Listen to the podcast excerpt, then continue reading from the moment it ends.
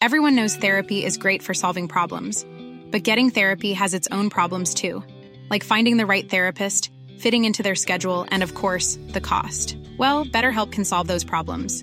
It's totally online and built around your schedule. It's surprisingly affordable too. Connect with a credentialed therapist by phone, video, or online chat, all from the comfort of your home. Visit betterhelp.com to learn more and save 10% on your first month. That's BetterHelp H E L P. One size fits all seemed like a good idea for clothes Nice dress. Uh, it's a it's a t-shirt. until you tried it on. Same goes for your healthcare. That's why United Healthcare offers a variety of flexible, budget friendly coverage for medical, vision, dental, and more. So, whether you're between jobs, coming off a parent's plan, or even missed open enrollment, you can find the plan that fits you best. Find out more about United Healthcare coverage at uh1.com. That's uh1.com. Once upon a time, There was two siblings. a sister and a brother They made a podcast called Nördarnas attack with Shebly Niavarani. and Shima Niavarani. Yeah, det är vår vignett. Okej Shebly. Shebly Niavarani. Det är ditt namn, du är min bror. Jag heter Shima Niavarani och vi ska göra en podd nu som heter Nördarnas attack. Nördarnas attack, det är vi. Inspirerat av eh, The Attack of the Nerds. Fast Mm. den heter inte så den filmen. Nej, det heter något annat. Nördarna anfaller, Anfaller. typ. Fast den heter Attack of the Nerds. Ah, skitsamma, jag orkar inte kolla det. Men vi hade tänkt göra en podd som grottar in sig i grejer, bryter ner narrativ, eh, går in i någon slags hyperfokus över ämnen vi är intresserade av. Alla Ja. nörderi. Men eh, senaste tiden så har det inträffat protester i Iran där du och jag är födda. Eh, och det har föranlett till att vi vill dedikera hela vårt första avsnitt till det. Eh, inte till själva eh, protesterna i sig utan i stil med våran podd egentligen. Bryta ner narrativet och sätta de här eh, protesterna som sker nu i historisk kontext eh, så att man ser vad orsak och verkan har varit fram tills nu. Ja.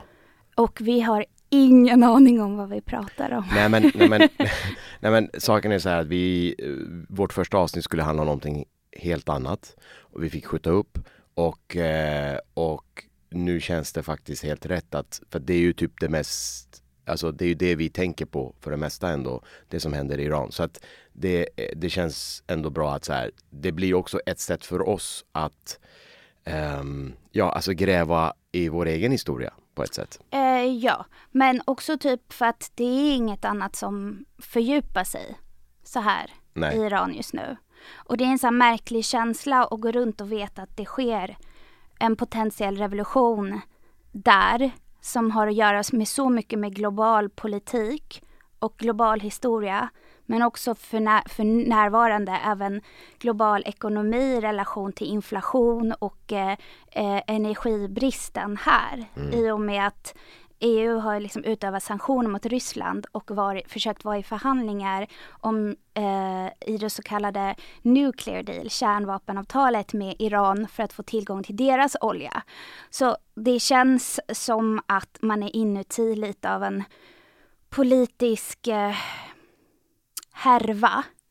Eh, medan det enda folk där vill ha är, försöker åberopa i sin frihet. Och vi går runt här och lever i exil och handlar eh, mat på typ ICA och känner att ingen fattar riktigt vilka vi är och vad vi går igenom just nu. Och då menar jag inte vi som är du och jag, utan eh, alla som lever utanför Iran. Och det är väldigt många miljoner vi pratar om. Ja, och att eh, det finns massa olika eh, ingångar i det här och massa historier, massa strukturer och ehm, eh, massa saker som har hänt genom den här historien. Och vi ska försöka att prata om i alla fall en liten del av det och bryta ner det lite grann och se om vi blir lite klokare, eller vad man ska säga. Mm. Så det blir ett annorlunda avsnitt syrran. Mm. Är du med? Jag är med. Då sätter vi igång.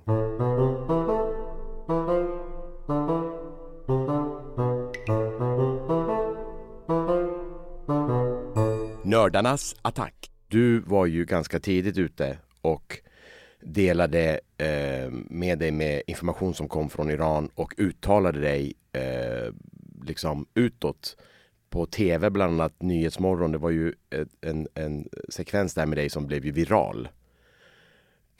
Kan vi, kan vi bara prata lite om det? För jag hängde faktiskt inte med själv så mycket för att det var så himla mycket och vi, jag, jag minns att vi mässade och pratade och, och sen var du på tv och eh, ska vi bara ta det lite därifrån? Vad hände där liksom? Ja, alltså eh, det känns som att ingen hängde med i det för att det var så mycket som på, alltså jag pratade inte heller med någon. Alltså jag satt ju bokstavligen, eller låg under täcket och hade mm. skärmen på och höll på att skrev de här inläggen. Uh, och blev jagad av media och av politiker och riksdagsledamöter och någon från fucking FN. Så att det var liksom uh, en konstig period. Men det jag skrev var ett call to action mm. när, de, när styrkorna intog Sheriff University. Det universitetet gick vår pappa på. Det kallas ju för the genius school. Det är typ om man sätter ihop Harvard och Yale. Uh, och uh, så är det Sheriff University. Det hette något annat när vår pappa gick där innan revolutionen. Mm. Men så har de bytt det till ett mer muslimskt uh, namn. och det universitetet är typ, du vet, folk blir eh, rocket scientist på NASA och ingenjörer på Google.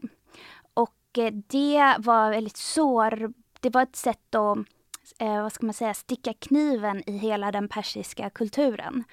Uh, och det är det ju också såklart när man går på kvinnorna. Vi har ju en väldigt matriarkal kultur i grunden. Och det är så mycket som är fel med den här regimen.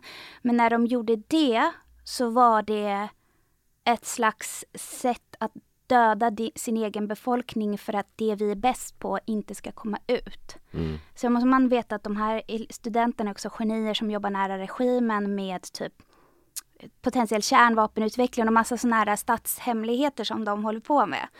Så jag har skrivit inlägget Call to Action för att det var tyst du vet, det var, media var inte med på vad som hände eh, och det var konstigt att vi eh, exiliranier snabbt upplevde på internet, det är blockdown, internet läggs ner, eh, det är någonting som händer som påminner om protesterna 2009, som påminner om någonting som kan bli större.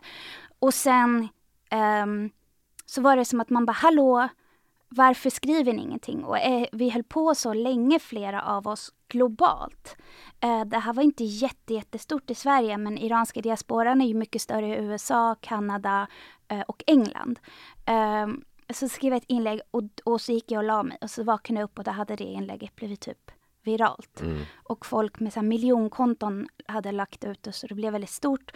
Och jag vaknade upp och hade typ Eh, eh, alltså kanske typ 23 missade samtal. Eh, och hälften av dem var journalister. Och genom hela de tre dagarna så hade jag bara panikångest. Och till slut så tackade jag ja till en intervju och det var på Nyhetsmorgon med Jenny Strömstedt. För att jag tror att de egentligen, när media vill att man sitter och pratar, att man pratar som exiliranier. Vad är dina känslor kring det här? Hur känner du? Och det är också, man måste peka på att vi, varje gång vi yttrar oss om det här, eller traditionellt sett har gjort, så är det en säkerhetsrisk för oss på grund av att det är en regim som har flyktingspionage, på grund av att man ehm, inte ska ifrågasätta regimen och så vidare. Men i alla fall så Ja, och sen eh, så var jag där. Jag ville ge, jag var verkligen noga med vad jag ville säga. Alltså jag förklara vilka Iran, alltså varför just iranska kvinnor är benägna att genomföra en sån här revolution och varför typ så många män backar dem. För att feminismen i Iran ser ganska mycket annorlunda ut än den i Europa till exempel. Eh, I och med att kvinnornas sak och minoriteternas är ju liksom också majoritetens sak i ett land som Iran. Men också traditionellt på grund av matriarkala strukturer. Uh, med matriarkal menar jag motsatsen till patriarkal. Uh, och hur bildningen ser ut. Vilket är också en, en sån nyckel till varför en potentiell, alltså varför folk är så kritiskt tänkande. Uh, och det har att göra med att vi måste gå ända tillbaka till det persiska riket. Ja. och eh, på svenska säger man Kyros den stora, mm. väl? Men eh, det ordet påminner om ett väldigt dåligt persiskt ord. så jag tycker säga det persiska och amerikanska och det Cyrus, mm. mm. Cyrus. Och det här, den här eran, alltså nu pratar vi är det före Kristus. Mm. Uh, den här eran är väldigt betydelsefull för den persiska kulturen.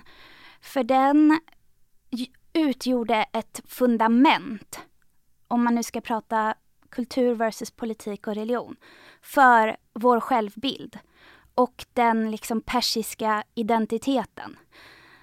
Så Iran hette ju Persien eh, och det persiska rikets ledare, han etablerade de första mänskliga rättigheterna. Och det, det liksom finns tapetserat utanför FNs huvudkontor i New York och det var han som utgjorde grunden för vad mänskliga rättigheter innebär. Han befriade judiska slavar från Babylonien och gav dem rätt att få återvända om de ville. Men majoriteten stannade kvar. Därav en väldigt stor judisk minoritet i Iran som sen många av dem emigrerade till USA och Israel efter revolutionen 79. Och sen så var ju många, alltså kvinnor var befälhavare, var liksom krigsgener, alltså armégeneraler eh, och eh, feminismen var väldigt stor där. Alltså idén om kvinnors och mäns jämlikhet ingick i idén om mänskliga rättigheter. Och man sa hela konceptet kring Persien byggde på att varje minoritet eh, som armenier eller liksom de som inte utgjorde majoritetsbefolkningen. Så vi bör säga att när man säger att man är persisk så är man också iranier. Men det finns också icke-perser som är iranier. Eh, 60 procent av Iran består av perser och det är majoritetsbefolkningen. Eh, sen finns det liksom armenier, eh, azerier, kurder etc eh, som också räknas inom liksom den iransk, det iranska paraplyt. Eh, perserna skapade då det här typen av det här samhället där arkitektur från de olika delarna av världen och dess minoriteter fick finnas. Eh, språket fick brukas, eh, deras egna språk och dialekter. Och eh, alla dessa yttringar fanns det rum för. Och då etablerades eh, en kultur baserad på en filosof som heter Zarathustra. Så ursprungsreligionen i Iran är den först, världens första monoteistiska religion. Eh, men mer, den är mer som en filosofi. Eh, och den har gett upphov till det dualistiska tänkandet inom judendomen, kristendomen och islam. Det vill säga att det finns gott och det finns ont. Och den har även varit upphov till eh, den fria viljan. Därför att det var första gången som idén om fria viljan kom till genom zoroastrismen. Nämligen att man kan välja mellan gott och mellan ont. Så, det, eh, så de här zoroastriska traditionerna som också kurderna har vill jag säga eh, och typ 400 miljoner människor firar noruz, som är nyåret i det här, eh, i den här traditionen. De försökte de förbjuda 79, men det gick inte. Man kunde inte förbjuda de traditionerna som Nowruz och sånt där. eh, och all poesi som Hafez och Shahnameh, alltså eh, Shahnameh, liksom the, the, Epic Book of Kings som är en, liksom en, en bok som, som utgörs av eh, prosa som ligger liksom till fundamentet för alla våra berättelser som vi någonsin har berättat efter det. Så att vår kultur bygger på filosofi och poesi. Det är genom de berättelserna och filosofiska idéerna om människor som vi blev till. Sen finns det en tradition i Iran att det har funnits en monarki där liksom familjer har tagit över. Eh, jag läste en bok som heter The Persians där eh, inledningen var bland annat att men de här eh, åren som vi ser nu, det vill säga den här regimen, är en sån kort period av den här långa, långa 3000-åriga historien om iranier. Eh, men man kan se en tendens och det är att vi är vana att vara kritiskt tänkande och avsätta folk. Så det är inte konstigt att det skedde en revolution 79. Det har funnits rädsla för revolution långt innan det och det har skett statskupper och coup d'états. Uh, vi har väldigt mycket franska uttryck. Uh, det min poäng var ja, uh, är att um, det här är en väldigt kort tid av historien men symptomatisk för vår kultur i relation till politik. Mm. Um, men på 1900-talet hände någonting intressant. Och då hade ju västvärlden industrialiserats. Och där blev Iran och den regionen väldigt viktig. Eh, så vad som hände 1908 var att på uppdrag av shahen, eller med tillstånd, så valde britterna att gå in i Iran för att borra efter olja. Och det blev sedan Anglo-Iranian Oil Company som blev British Oil Petroleum som vi känner till idag som BP. Och efter det så blev det ju så att eh, de bildade ett oljebolag, ett raffinaderi i Iran um, som distribuerade olja uh, till England och ja, delar av resten av världen. Shahen hade ju gett tillstånd till det här. Mycket av kritiken som har kommit till Shahen i efterhand var att han var liksom en marionett för USA och England. Um, för att de såg till att han kunde vara vid makten. Men den händelsen eh, uh, gjorde så att uh, det fanns ett väldigt stort intresse för Iran och den regionen och att tjäna pengar på naturtillgångarna uh, och den olja och gas. 1953 så hade Iran en premiärminister som hette Mohammed Mossadegh. Och han var folkvald eh, och tillhörde liksom, eh, hur ska man översätta det, nationella partiet som hade som intresse att nationalisera oljan i Iran. Och eh, var väldigt omtyckt av folket. Alltså så som historierna om honom i våran släkt till exempel, eller så som iranier pratar när de minns tillbaka på honom eller historien om honom, är att han var en extremt djupt intelligent person eh, och väldigt beläst. Och han hade som förslag att eh, försöka... Idén var att han skulle bli president och inte längre premiärminister nationalisera oljan och avveckla monarkin. Britterna ville ju inte detta och sa till amerikanarna eh, att de kommer eh, gå samman med Ryssland. För att vi måste komma ihåg att på 50-talet var det kalla kriget mellan mm. Ryssland och USA. Så vad som hände då var att de gasade igång amerikanarna och amerikanarna hade precis startat CIA då. Sen typ max tio år tillbaka och hade gjort en del så kallade CIA-operationer som hade misslyckats. Eh, men de var liksom sugna på att göra sådana här operations. Så britterna kallade det här för Operation Boot. Amerikanerna kallade det här för Operation Ajax. Och de gick samman för att det som hade hänt var att Sean hade lämnat landet av rädsla för revolution de gick samman för att sätta dit Mossadegh och göra den här operationen för att äh, dämpa äh, protesterna i landet och liksom upproret kring att han skulle få bli president. Men också starta en äh, rättegång mot Mossadegh. Och rättegången byggde på, enligt eh, Mossadegh som tyckte detta var orättvist, att han hade gått emot konstitutionen mm. eh, genom att eh, vilja bli president. Eh, så den här, just den här grejen blev lite misslyckad. Men sen så gjorde de slutligen en sista operation och fick bort Mossadegh och satte honom i husarrest. Och återinsatte shahen. Shahen kom ju tillbaka och Mossadegh, eller då han, då han kallades för doktor Mossadegh till och med. Ja. Och beskrevs ju Alltså han beskrevs ju, jag läste någonstans att han beskrevs som att om man jämför med demokratier idag så var han väldigt nära, alltså en modern demokrati. Han beskrevs som en väldigt ärlig och hederlig person. Mm. Uh, han sattes i husarrest och var där i tio år till sin död. Mm. Uh, och shahen kom tillbaka och tog makten helt enkelt. Mm. Det amerikanerna har sagt i efterhand som man kan se i flera dokumentärer av just de som var delaktiga i CIA-operationer är att uh, Iran eh, liksom höll en stark ilska gentemot USA efter det här. För de menar, vad fan kommer ni hit och styr över vår mm. uh, konstitution och hur vi vill göra med våran olja och vilken president vi vill ha.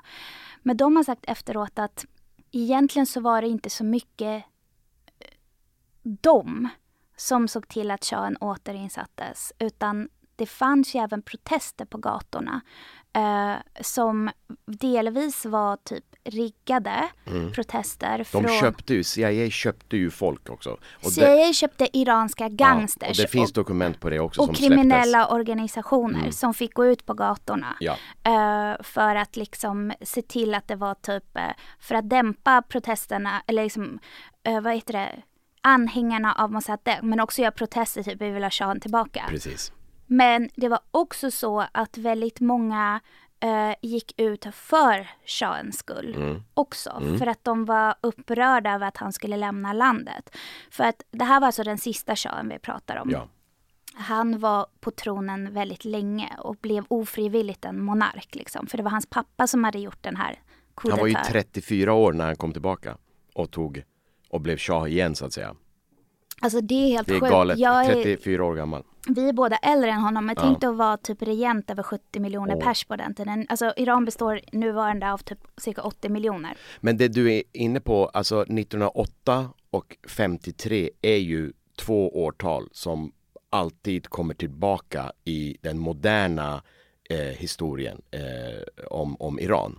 Ja. Och det som också Får jag eh, säga bland belästa idag ser man ju bara Iran för vad det är idag. Exakt. Men det som är sen, det som hände 79 med revolutionen, vi kommer återvända till det. Det som var intressant som jag kom på av det du sa nu, det är mm. också att, att 79 så levde ju också den här händelsen från 53 kvar.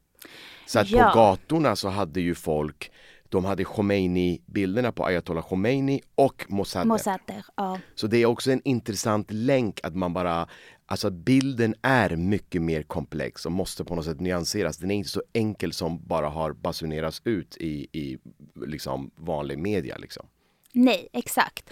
Uh, för att den här ilskan de höll kvar sedan 53 och den antiimperialistiska revolution det var 79 i grunden har att göra med USAs och Englands inblandning och nationaliseringen av oljan. Det var ju ett statement eh, gentemot resten av världen att vilja nationalisera oljan. Men även så var det har att göra mycket med den, den iranska identiteten. Att varför ska vi hjälpa eran industrialisering för era nationer medan vi inte får ekonomin eller pengarna från våra egna naturtillgångar. Så det här handlade ju om kapitalism, om imperialism, om västvärldens sätt att plundra det de vill ha. Och Iran är ett extremt akademiskt välutbildat land. Så därför så var det ju intellektuella som inte gillade den här tanken. Men det som hände under kort tid var att när eh, oljan var nationaliserad då rasade ekonomin. Mm. För att de hade gjort ett köpembargo på Iran. Att vi köper inte olja från Iran. Eh, hade England och andra länder utlyst. Så de hade massa olja som de inte kunde sälja. Och det orsakar också ett problem. Eh, så det var ju liksom lätt då för folk att på något sätt acceptera lite att shahen kom tillbaka, tillbaka. till tronen. Och sen under 60-talet så införde shahen hade typ en eh, jättestor vision om hur det här landet skulle moderniseras. Eh, och med det sagt vill jag också säga att det finns jättemycket kritik mot shahen. Han var ju också en närmast en diktator eller en ganska totalitär, alltså han var ju en enväldig monark. Mm. Och man ska alltid kritisera sådana ledare och han gjorde jättemycket eh, fel. Men eh, Och, och vi kommer till det. vi kommer framåt till det. Eh, Men det som hände under 60-talet var den vita revolutionen som var en del reformer som hade framför eh, dels att göra med läskunnigheten i landet, eh, en konstitutionalisering av feminism kan man säga. Kvinnors rösträtt, eh, kvinnors akademiska bildning, eh, en syn som gick hand i hand väldigt mycket med iranska kulturen att män och kvinnor är jämställda. Eh, som till exempel du sa någon rolig grej att en, pa- en, en partner i Iran är hamsar, det vill säga jämbördig i huvudet. Mm. Alltså de är jämbördiga med varandra. Man säger inte woman, man säger zan. Mm. Man säger, mard betyder man. Eh, och man eh, säger alltid kvinnor före män. Mm. Eh, och det har att göra med alltså, att man inte riktigt ser på könsroller och manligt och kvinnligt och status på samma sätt som man har gjort traditionellt i väst. Ehm, Och inom språket är det ju också så att det finns inte specifika benämningar i alltså hon, han. Ja precis, ja, du menar som det är könsneutralt. Ja, vi precis. säger on och in, vi säger inte han eller hon. Eh, så att där är det också liksom, man gör inte någon till ett kön. Mm. Men det finns ett ord för vad det är att vara kvinna och ett ord för vara man. Man, och de är precis. inte connectade till Nej. varandra. Ehm, Men vita revolutionen var ju, var ju, alltså han ville ju modernisera landet, han ville, Mm. han ville också bryta ner gamla liksom maktstrukturer. Det fanns ju sådana idéer om att bygga upp det på ett annat sätt. land Ja. eh, och feodalstrukturen. Exakt, det ville han eh, bryta ner liksom. Det, det, och det gjorde han. Mm. Han såg till att bönderna kunde få sin egen mark. Men problemet var att det kom mass, tillkom massa andra skatter, massa Mm. andra jobb och tillgången till eh, liksom sjuk, eh, hälsa och, och typ den här typen av mer fackliga grejer. Alltså så här, sju, eh, vad ska man säga, alltså att det ingår i arbetsgivarens plikt att eh, ge dem tillgång till Sociala försäkringar och så sociala vidare. försäkringar. Det togs bort ifrån dem, så helt plötsligt fick de bli sina egna entreprenörer. Eh, och det fanns liksom tre kategoriseringar av dem. De här gamla liksom provincial landowners var lite sura på shahen. Eh, och en del, en del bönder klarade av att ta hand om den här marken, men så var det jättemånga eh, som blev flyttade ut till utkanten av storstäderna och blev arbetarklass. Så helt plötsligt uppstod en arbetarklass i ett land som premierade bildning och intellekt. Så man har aldrig tagit ifrån människor rätten Att bilda sig. att bilda sig och inte heller kvinnor.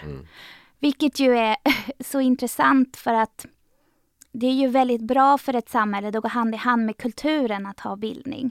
Men det är också så det som föranleder att om du tillhör en, en minoritet eller en arbetarklass och samtidigt är akademiskt utbildad, då har du det största vapnet du har i handen. Och det var därför det var så upprörande när de har gått in i universiteten. För då tränger de in i hjärtat av vår kultur. Det vill säga de gör illa oss där vi har vårt starkaste vapen. Nämligen expertis och bildning. Men det som också var med shahen var ju att han byggde ju också, han köpte ju väldigt mycket vapen eh, av USA och var ju en nära allierad med eh, Henry Kissinger eh, i USA bland annat. Och han köpte ju upp väldigt mycket kärnkraft och, och vapen och på något sätt skapade en... Kärnkraft. Ja. Vadå köpte kärnkraft? Nej, men han köpte ju upp tekniken till att skapa sin egen eh, Ja, ja, ja, okej. Ja. Men det var det att han byggde ju upp en väldigt stark eh, styre, en armé. Och sen byggde han också upp sin hemliga polis, Savak, eh, som skulle liksom till en början enligt utsago eh, vara en antiterrorist eh, eh, Organisation, Ja, ja. och där fick han hjälp av israeliska underrättelsetjänster som var med och hjälpte honom och, och gav honom inspiration till hur man bygger upp en sån, sån stab. Ehm, och de blev ju ganska snabbt egentligen en förtryckare mot oppositionen. Och han gick från sin vita revolution till att väldigt snabbt ändå eh, börja fängsla folk, börja tortera folk och det skapades mer och mer ett, en enorm rädsla i dåvarande iranska samhället samtidigt som det också var en otroligt öppen och modern eh, eh, modern samhälle där män och kvinnor levde fria och du fick vara religiös om du vill det men du slapp också eh, vara det om du ville det. Ja, islam var ju en statsreligion då också. Mm. Men det fanns också väldigt många, alltså det fanns en premiär, premiärminister som var jude, det fanns eh, väldigt många, eh, som zoroastrismen fanns kvar som en stark filosofisk kultur, kristna fanns etc. Och Mm. det fanns en typ en slags respekt för minoriteter, även om det bör sägas att minoriteter har ju det alltid tufft. Ja. Alltså de... Eh, Sean hade typ en plan och han skulle med varje medel omsätta den till handling. Och när de satte tillbaka honom efter kuppen 1953 då sa ju han ju att han var så extremt tacksam gentemot England och USA eh, för eh, att ha blivit återinsatt. Och när han såg protesterna till sin ära för att han skulle komma tillbaka och han fick komma tillbaka så sa han eh, de älskar mig verkligen. Det här var ju alltså en väldigt osäker person som var en ofrivillig regent. Och hans bild, alltså han sättet de byggde liksom tillgångarna kring honom och hela den här nationen var ju liksom som Solkungen i Versailles. Man kan inte jämföra det med kungligheter idag. Det Nej, var på en nej. helt annan nivå. De, han kallades för Shahanshar, det vill säga kungarnas kung. Och man fick liksom inte säga något annat om honom. Det fanns liksom lite censur, men man kallade honom inte bara Shah. Nej, men han blev ju en han blev ju en myt. Alltså hela, hela, bo, hela liksom Iran på den tiden, Eh, eh, kungen och Faradiba, alltså drottningen, det ble, det, de var ju mytomspunna. De var liksom, det var någonting större än livet. Och de hade alla de här starka allierade länderna runt omkring dem. Det, det flödade av pengar, det flödade av senaste modet, senaste tekniken, senaste vapnen. Det, det var på ytan så var det liksom, det, det var paradiset på ett sätt. Ja, men under ytan så had, har vi ju de här arbetena i utkanten av städerna.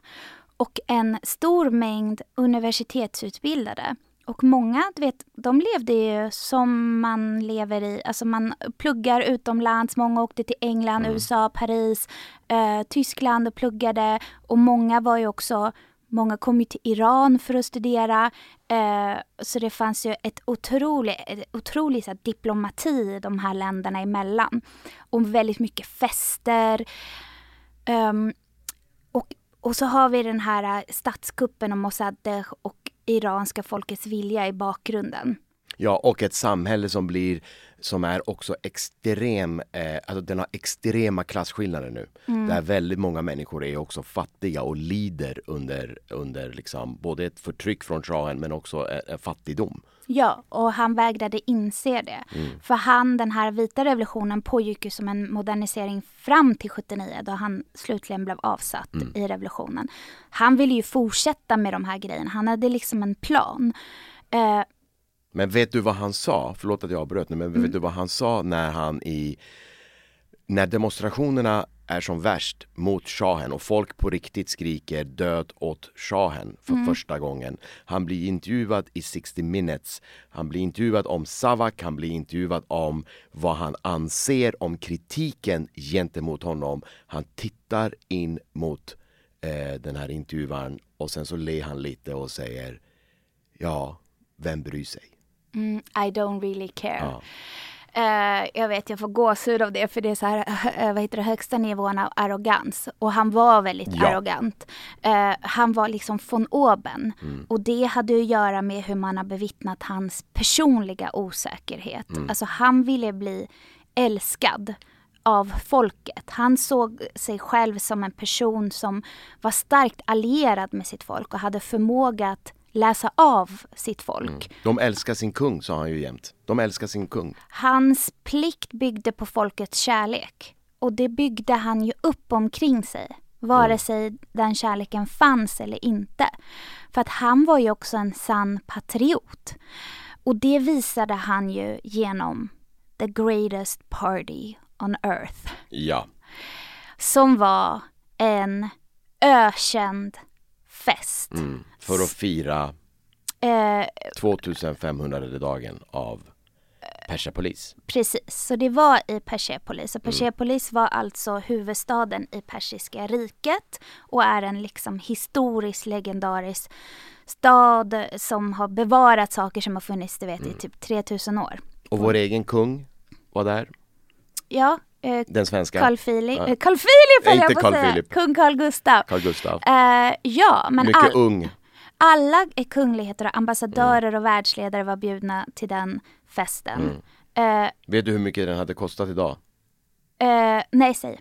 750 miljoner dollar. 7,5 miljarder mm. dollar. Det blir alltså typ 750 miljarder kronor. De hade flugit in kockar och eh, mat från Paris, tyg från Paris, eh, guldfontäner, alltså det var, de hade ju byggt upp städer.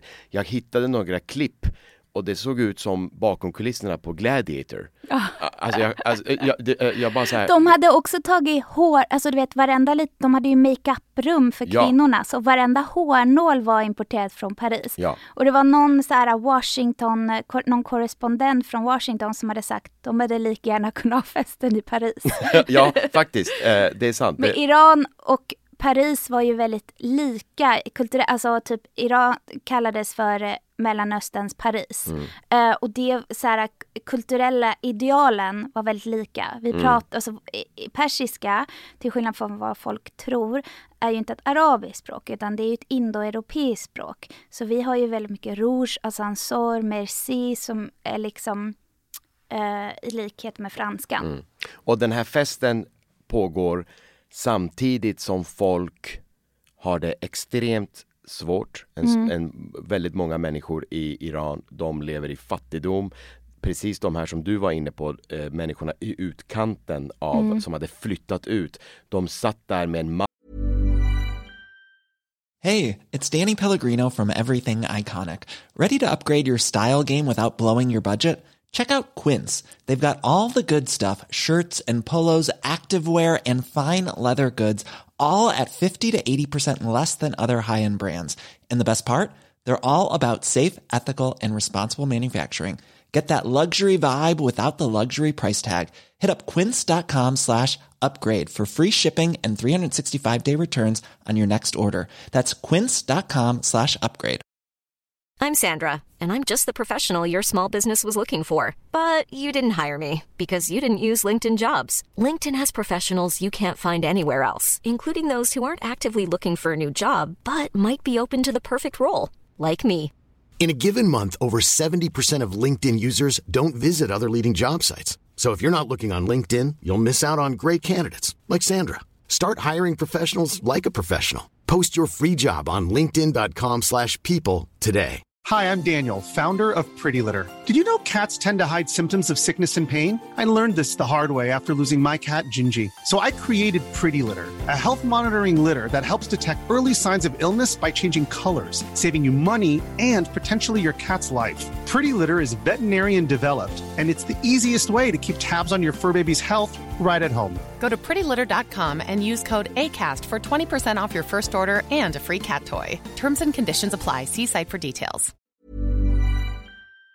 Mark de inte kan, få, kan bruka, eh, det, det, rinner inte vatten rätt. Eh, det är extrema svårigheter som bara sipprar upp nu till ytan. Och det, det var ett fuck you rakt i ansiktet på de här människorna. Ja. Och grejen är att det fanns ju en enorm lojalitet mot shahen av de som faktiskt älskade honom. Mm.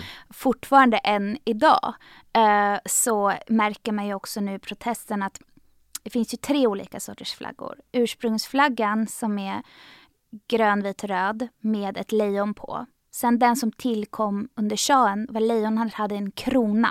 Och det är viktigt att göra en distinktion mellan dem beroende på vilken flagga folk använder. För båda flaggorna representerar inte just monarkin.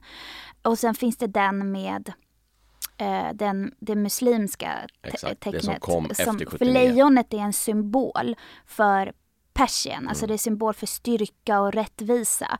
Den är en symbol för det persiska, alltså iranska folket.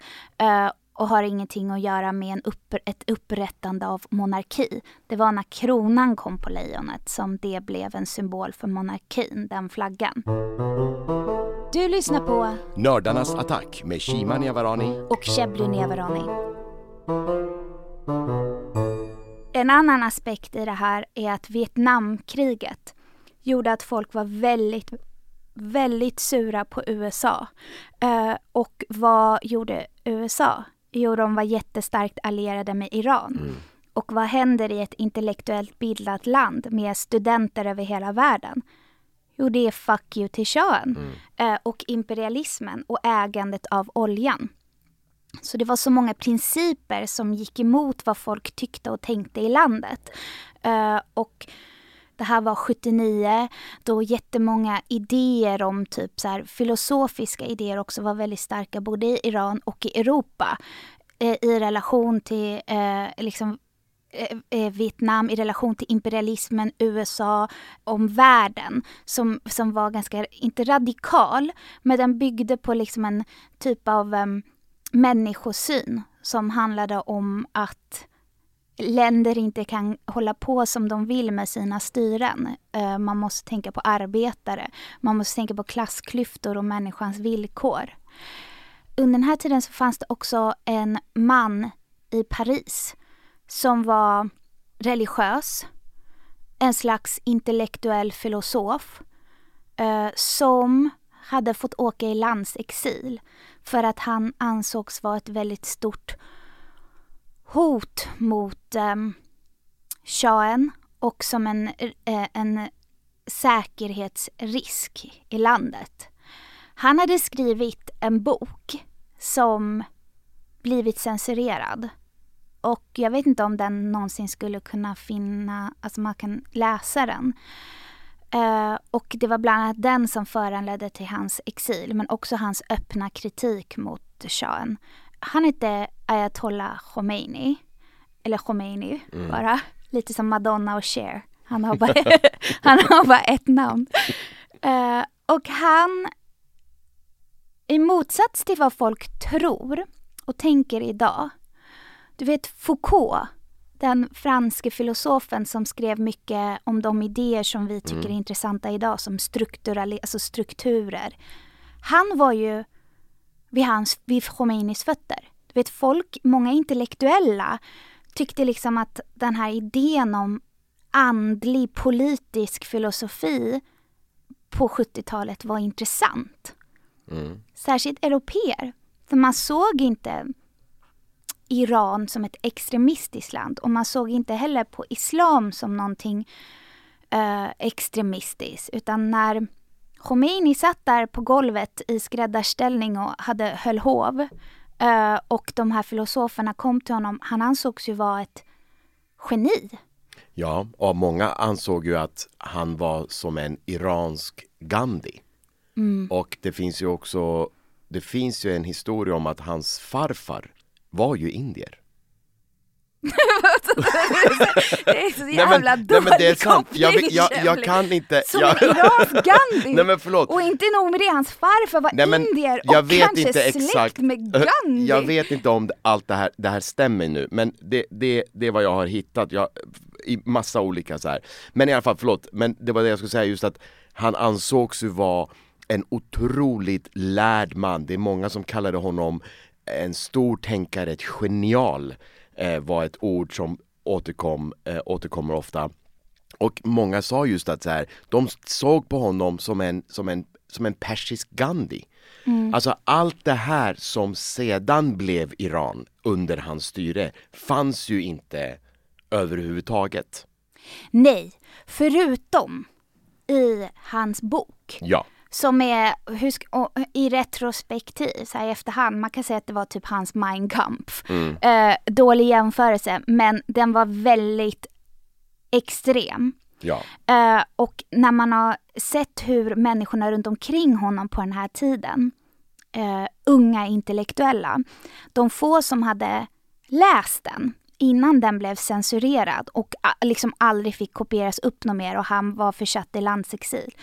De sa ju att de trodde att den var skriven i metafor. Ja, och där önskar man att någon hade kollat upp det här lite bättre.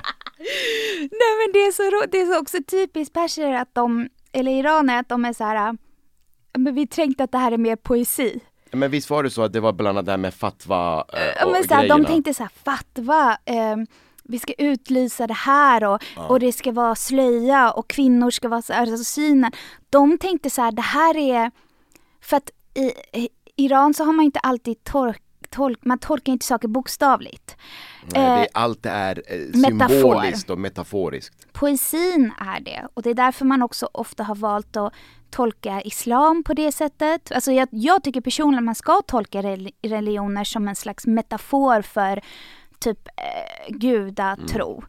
Och bara för att eh, klippa fram till nutid så har ju väldigt många böcker och litteratur kommit ut på det här sättet. Filmer har gjorts med väldigt starka metaforiska symboler som inte bokstavligt går att säga det här är regimkritik. Eller typ det var en barnboksförfattare som skrev böcker för barn eh, som handlar om deras sexualitet, alltså pubertet och mognad. Den skrevs ju i metafor. Mm. Och det roliga är att barnen fattar ju vad boken försöker säga utan att den konkret säger du har en vagina, du har en sexualitet. Um, så typ eh, metafor, alltså eh, det skulle kunna vara så att en politisk andeledare har skrivit en statshotande text eller monarkihotande text utan att mena att han tänker omsätta alla de här idéerna till praktisk realitet. Mm. Det skulle kunna vara som en visionär idé uh, om ett land som bygger på islam uh, utifrån stora penseldrag. Mm. Uh, men faktum var He meant every word. Ja, men också att han utnyttjade ju också att det var så många olika typer av grupper i Iran mm. som de hade liksom ingenting gemensamt. Det var marxister, det var intellektuella, det var konstnärer, det var arbetare och så vidare och så vidare. Det enda de egentligen hade gemensamt, det var att de var mot shahen. Och det var det Khomeini blev eh, väldigt bra på att utnyttja. Så mm. han kunde också hålla tyst om vissa saker. Och han eh, lyckades elda upp folket i Iran på grund av att hans predikningar och tal och faktiskt att han också jag, jag hittade en text från en person som var med under den tiden som väldigt ung man um, och hängde med det här gänget och han beskrev ju Khomeini som en väldigt dålig talare med en ganska konstig röst. Eh, så att det var som problem med att så här, han hade inte den här rösten som de andra eh, stora ledarna hade. Men de spelade ju in hans predikan och smugglade in det eh, in till Iran. På och, kassettband. På kassettband. Och det eldade på och han fick större och större liksom makt som från början var egentligen en andlig form av makt. Det var inte en politisk makt. Det var någonting som han sen mm. tog till sig. Det finns ett citat där han säger Sovjet tog våra pengar men USA tog vår själ. Alltså det var så otroligt mm. starka, det var som ett svärd som liksom skar sig in i folket där de bara såhär, mm. han har rätt. Eh, så det, det han, tryckte ju, på alla tryckte på exakt rätta iranska knappar. historiens knappar. Ja.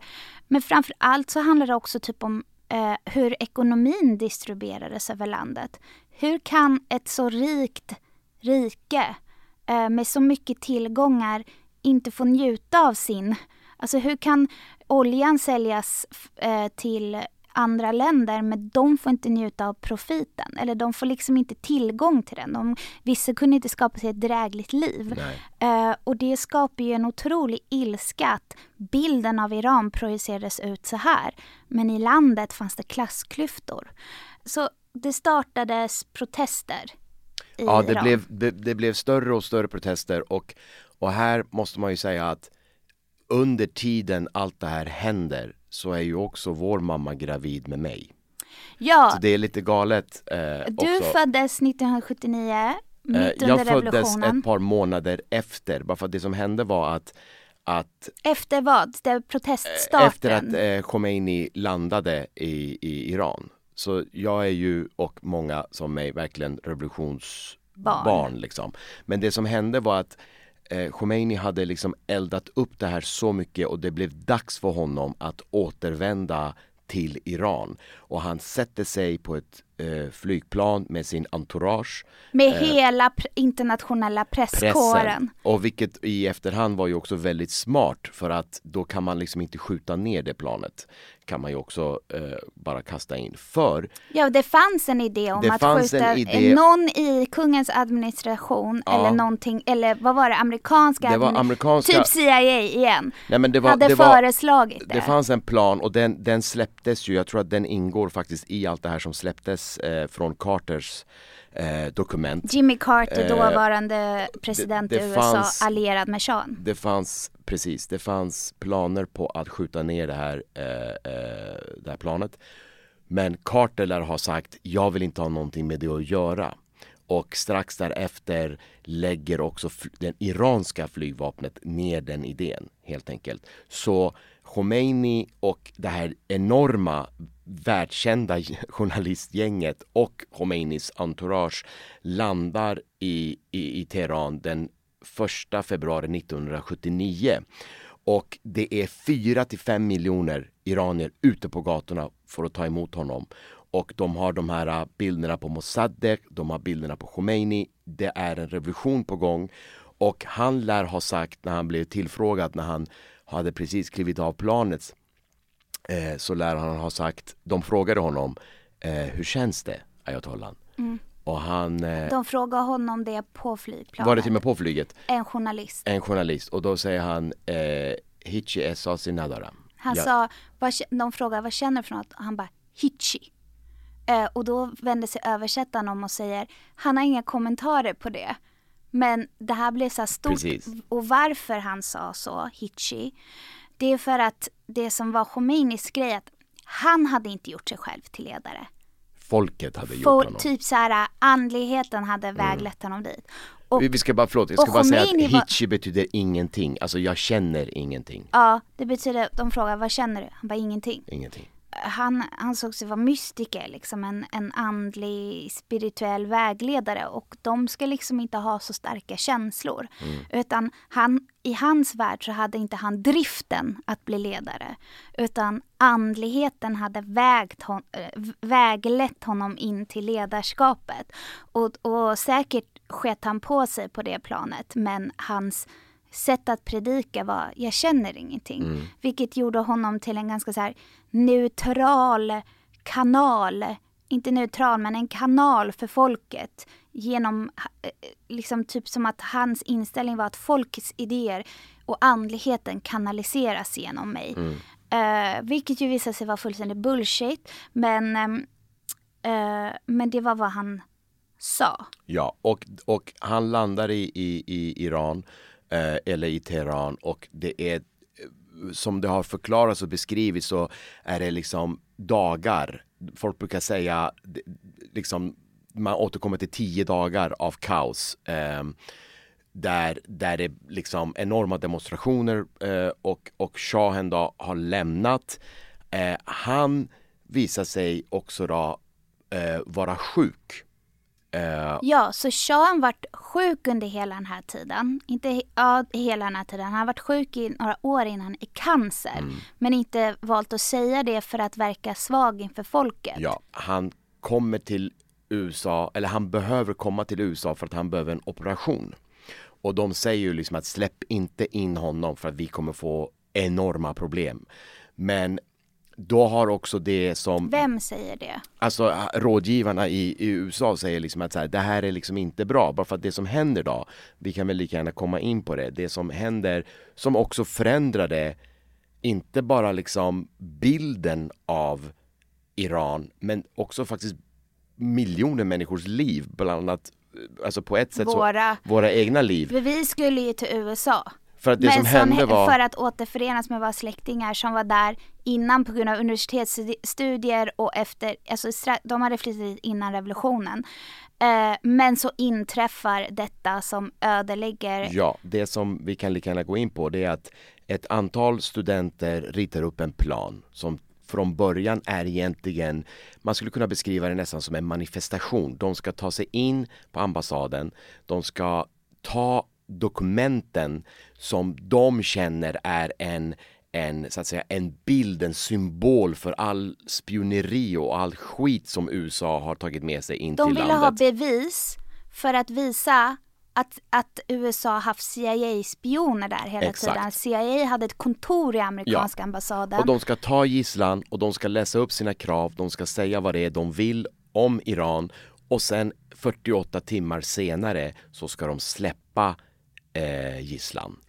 Och här är det också svårt att säga vilka som exakt var så här, vi vill ha Khomeini, vi är Nej, till en- muslimer, ja. eller vilka som är socialister och vilka som är så här nationalister. Det var så många grupperingar. Ja men grunden, det som också man kan ta del av viss av den här informationen i, i dokumentärserien Hostages som finns nu på HBO Max. Vi är inte, inte sponsrade Inte sponsrade av HBO, men men det- det är en jävligt bra dokumentär. Ja, den, den, den, den visar på ett sätt eh, viss typ av liksom, den här nyanseringen som kanske har saknats tidigare.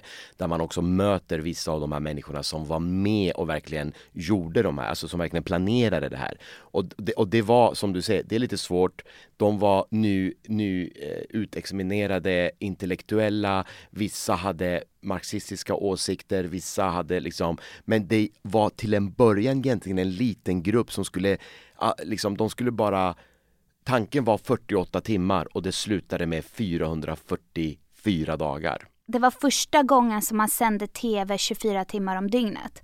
Det, Det- var nonstop kring det här gisslandramat. det byggdes, alltså hela den här äh, nyheter eh, dygnet runt kom från detta.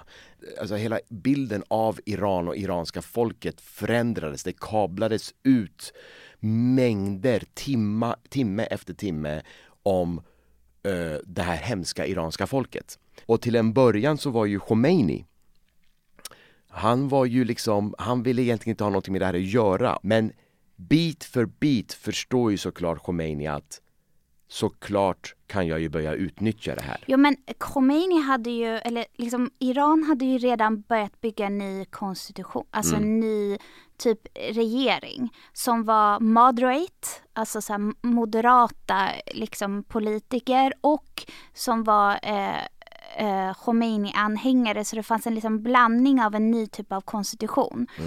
Och de hade sagt så här, alltså det här är radikalt och extremt.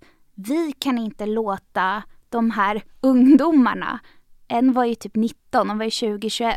Ja, som, Ta som hade pluggat i USA, som blev ta- taleskvinna för detta. Ja, eh, hon, de var liksom, de ville ha en, när det här blev så stort så ville de ha en frontperson. Och då var det en, en tjej som var 19 och var extremt intelligent och hade pluggat i USA. Som var starkt antiimperialistisk. Men så med Eptekar. Ö, Eptekar. Ja.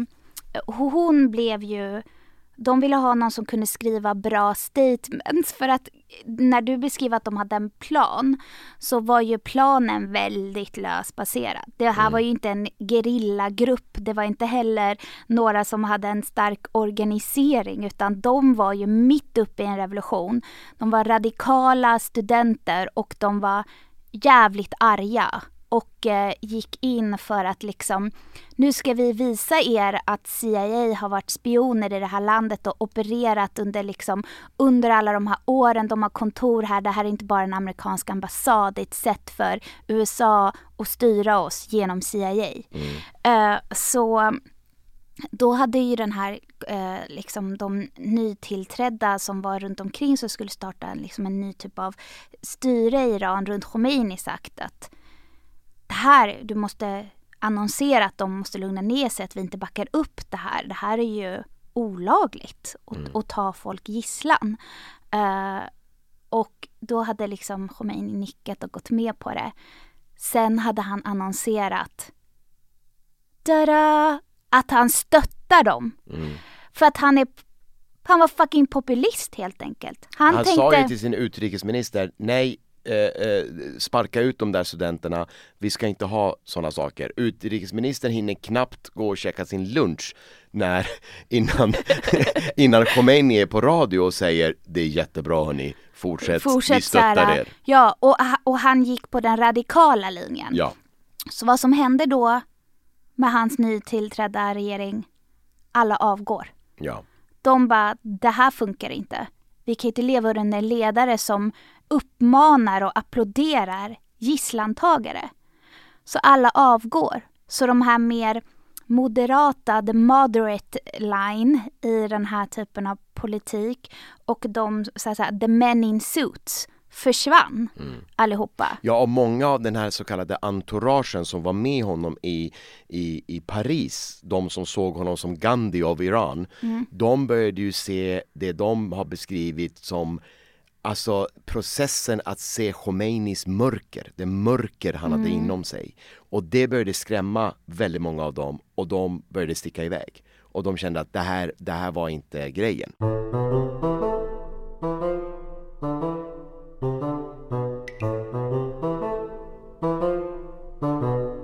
Nördarnas attack. Jag tror att du och jag har ett extremt nördigt intresse för det här för att vi har liksom aldrig diskuterat de här sakerna Nej. hemma. Alltså vår familj är ju, är ju eh, vi växte upp i ett hem som är eh, icke-religiöst och icke-politiskt. Alltså där, där, det, där det har mer handlat om utbildning och, och eh, konst. Eller vad ska man säga, Men kultur. kultur, liksom. Så här, va? cinema. Ja. Alltså de var ju väldigt så här när allt det här hände, de var ju typ medelklass, Mm. liksom övre medelklass kanske.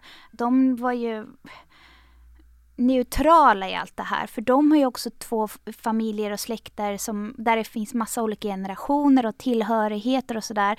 Och det är det som också är komplext i iranska familjer att man kan ha olika klasstillhörigheter och identiteter inom en familj. Men jag tycker det är viktigt att poängtera här att det vi gör, vi bara kartlägger och ger historisk kontext. Men det som är så sorgligt är också vår besatthet av att kartlägga och ge historisk kontext. Just för att vi inte, vi är, du är föddes under revolutionens år. Jag föddes 85 mitt under bombardemanget. Du är så revolutionens barn, jag är bombernas barn. Eh, så våra föräldrar var ju mitt uppe i att skapa sina liv. Jag personligen har verkligen slagit ett slag för, jag lyssnar inte på äldre generationer längre. Inte i den här frågan. Det finns så mycket agendor, de överförs också ner på deras barn, för barnen vill också upprätthålla föräldrarnas kamp. Och deras tid är förbi. Det är en generation Z som har en helt egen kamp, som har levt under en regim i 43 år, där vi inte har varit. Vi sitter i väst. Let it be, let it go. Var en kanal för deras röst. För det här handlar inte om oss. Ehm, vi sitter här och ger orsak och verkan. Men jag tycker det är så viktigt också att det finns orsak och verkan och historisk kontext för att förstå. Men vi kan inte gå in någonstans och äga narrativet från de här människorna som vill någonting för sitt land och sin framtid. Det är inte längre vårt land. Vi har inte varit med och byggt upp det. Uh, vi som är i exil. Um, så det är där det kanske är bra Nej, jag håller helt med dig och, och, och, jag, och jag tänker att att säga när vi pratar om att det finns så mycket olika agendor och strömningar och narrativ och berättelser och hur folk har ändrat sig om det är sin del, alltså hur, om den här revolutionen var lyckad eller inte, ändrat sig om Khomeini eller inte. Saker skrivs om, du vet, Oh ja, retroaktivt. oh ja, mm. Att helt plötsligt var alla för Khomeini och sen bara nej, han kuppar vår revolution. Fast det är så många komplexa lager i det här. absolut och därför så, tycker jag, alltså en av anledningarna Även folk som gillar shahen kan i retrospektiv känna så här. Wow, we should have listened to the people. Ja, absolut, Eh, Alltså absolut. att de är lite så här, fuck det. Sen är inte varje person ansvarig för klyftorna, för problematiken. Det är ett styre. Eh, folk lever sina liv och levde så gott de kunde.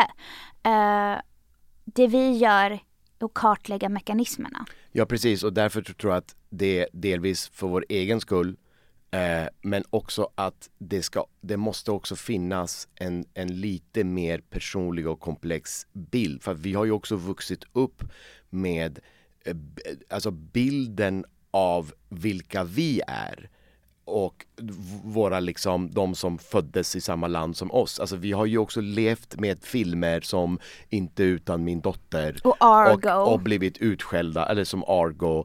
Alltså där där vi har också fått känna liksom att, så här, att det finns ett, en bild av, av oss som inte riktigt stämmer och som eh, alltså jag satt och bara läste häromdagen någonting och, och, och, och jag tänkte så här, vad sjukt det är liksom hur folk fortfarande eh, blandar ihop olika länders historia och olika folkslag. Alltså Men de här... blandar ihop Iran och Irak, de förstår inte skillnaden mellan att det finns en arabvärld det finns Turkiet, det finns Iran.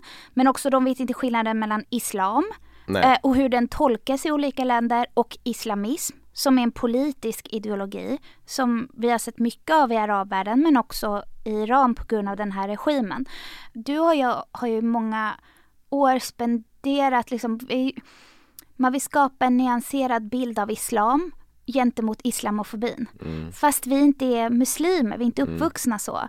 Därför att i mångas ögon så är det ingen skillnad på människorna för de ser alla lite likadana ut och, eh, och alla är tydligen muslimer. Men också för att den bilden av islam stämmer inte. Nej, precis. Alltså så här, eh, ingen tycker att regimen i Iran representerar muslimer. Det är ju liksom muslimer själva som också protesterar mot det. Och sekulära, folk som bara I don't give a shit hur den här religionen tolkas. Mm. Uh, men samtidigt så finns det folk som bara det här är inte min islam. Uh, hur kunde ni göra så här med vår religion? Mm. Jag vill ha slöjan men jag vill inte ha den här regimen. Ur iraniers perspektivs ögon så finns det så mycket missförstånd över vilka vi är. Men också typ vilka vi var mm. innan den här regimen. Uh, så att man lever hela tiden med att försöka förmedla tio narrativ samtidigt. Precis. Så, uh, så, att man måste ta slagen från islamofobin men också samtidigt försöka upprätthålla något så här historiskt perspektiv att det här är vår kultur, det här är vår identitet.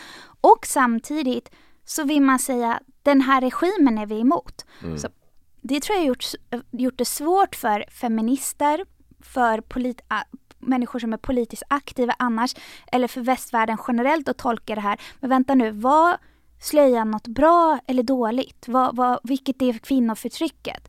Och man är så här, det är inte slöjan, det är det icke-fria valet. Eh, och det är också muslimer som kämpar för det här, för hur deras religion tolkas.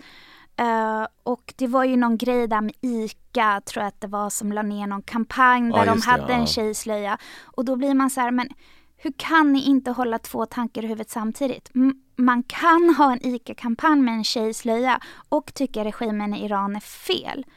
Det blir så mycket missförstånd. Ja, men det, det, finns en, det finns ju en rädsla för alltså att separera. Men vet du vad den rädslan bygger på? Och all rädsla brist på kunskap. Det det man är, är rädd för sånt man inte kan någonting om. Eh, när du simmar ute i havet så vet du inte vad som finns där. Det kanske kommer en haj. Så du är asrädd för att simma i det havet. För din fantasi är värre. Så folk är egentligen rädda för sig själva och sin egen bristande kunskap. Och det är därför vi har dedikerat hela den här podden till ja. Eh, en historia våra föräldrar inte orkar gräva i. Vi orkar egentligen inte, men vi har ålagts eh, den här kampen eh, för att vi är typ tvungna. Alltså det här med att ge röst till de som tar kampen, det gör man efter eget val och jag känner att det är en självklarhet trots risken för vår säkerhet eller våra släktingar där eh, och trots liksom Uh, den här utnöttningen av hjärnan och det här konstanta adrenalinet och oron och att man inte kan göra saker normalt utan att ha det här i bakhuvudet jag tycker typ att det är rimligt ändå. Absolut, det är en kamp för frihet, det är en kamp för mänskliga rättigheter. Alltså grundläggande mänskliga rättigheter oberoende hur mycket vi, vi kan hålla på och prata om eh, grupper och, och, så, så är det det. Och det är för alla. Mm. Alltså, och det är det de gör idag. De visar ett oerhört mod och riskerar sina liv från alla möjliga eh, eh, olika eh, liksom, eh, skikten i samhället. Och det, det, det, vi kan göra är att vara, försöka vara en kanal och se till att deras röster eh, kan få så stark liksom, impact som det bara kan göra. Mm.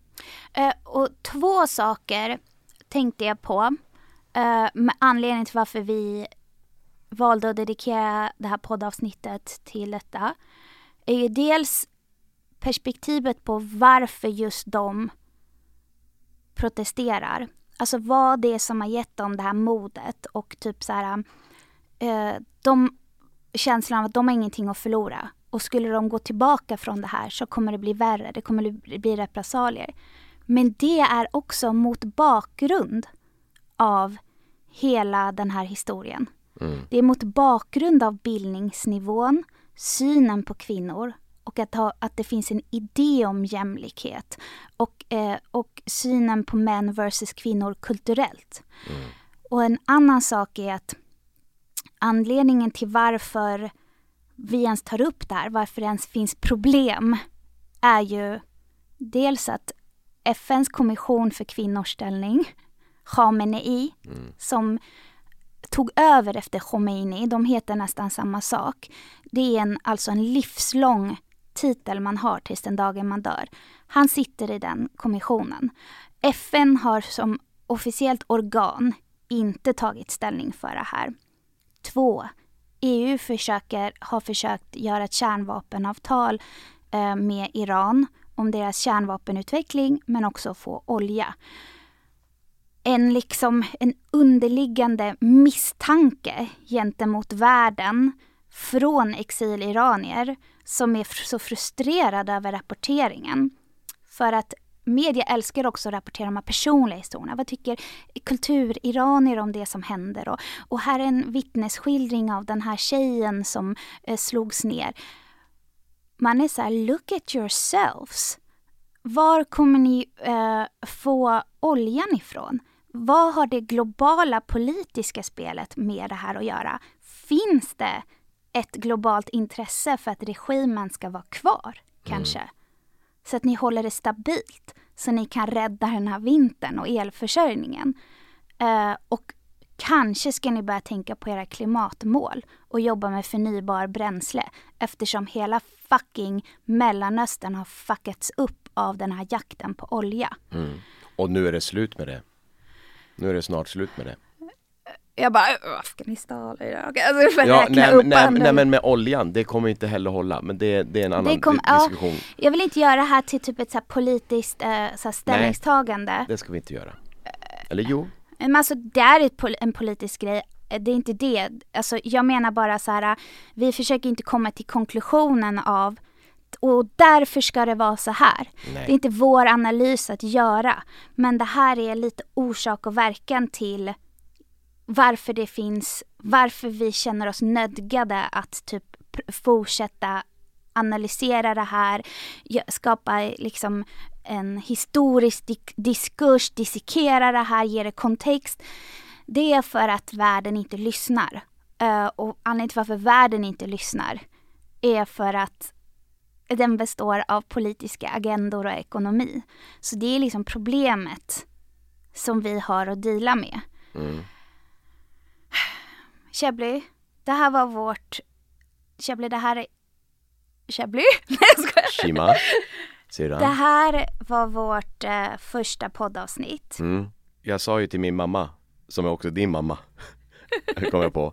Varför att... säger du alltid min pappa och min mamma? Jag vet inte. Du säger alltid det till mig som att jag inte är delaktig i vi familjen. Får, vi får ta upp det i i familjesöndagarna, i terapin. Nej men när jag sa till mamma att eh, vi ska ha en podd jag och Shima. Uh, och så berättade jag lite om vad det skulle handla om och, och att det skulle heta Nördarnas attack och, och så. Och att det var din idé med titeln. Så sa hon uh, Hon reagerade först inte, hon blev lite tyst men sen så tittade hon på mig och sa Jo men det är ju ändå en bra idé för då får ni lite kvalitetstid ihop.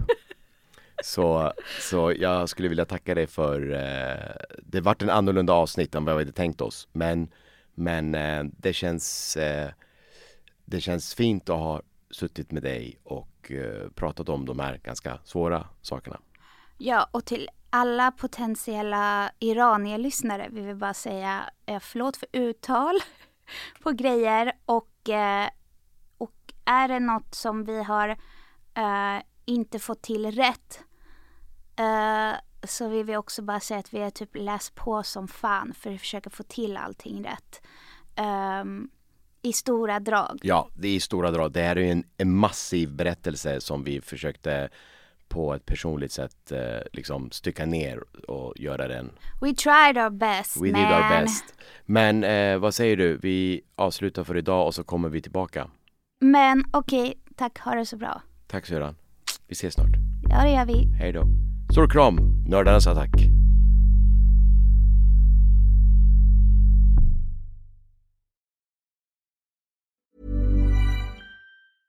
Imagine the softest sheets you've ever felt. Now imagine them getting even softer over time. That's what you'll feel with Bowl and Branch's organic cotton sheets. In a recent customer survey, 96% replied that Bowl and Branch sheets get softer with every wash. Start getting your best night's sleep in these sheets that get softer and softer for years to come. Try their sheets with a 30-night guarantee. Plus, get 15% off your first order at bowlandbranch.com. Code BUTTERY. Exclusions apply. See site for details.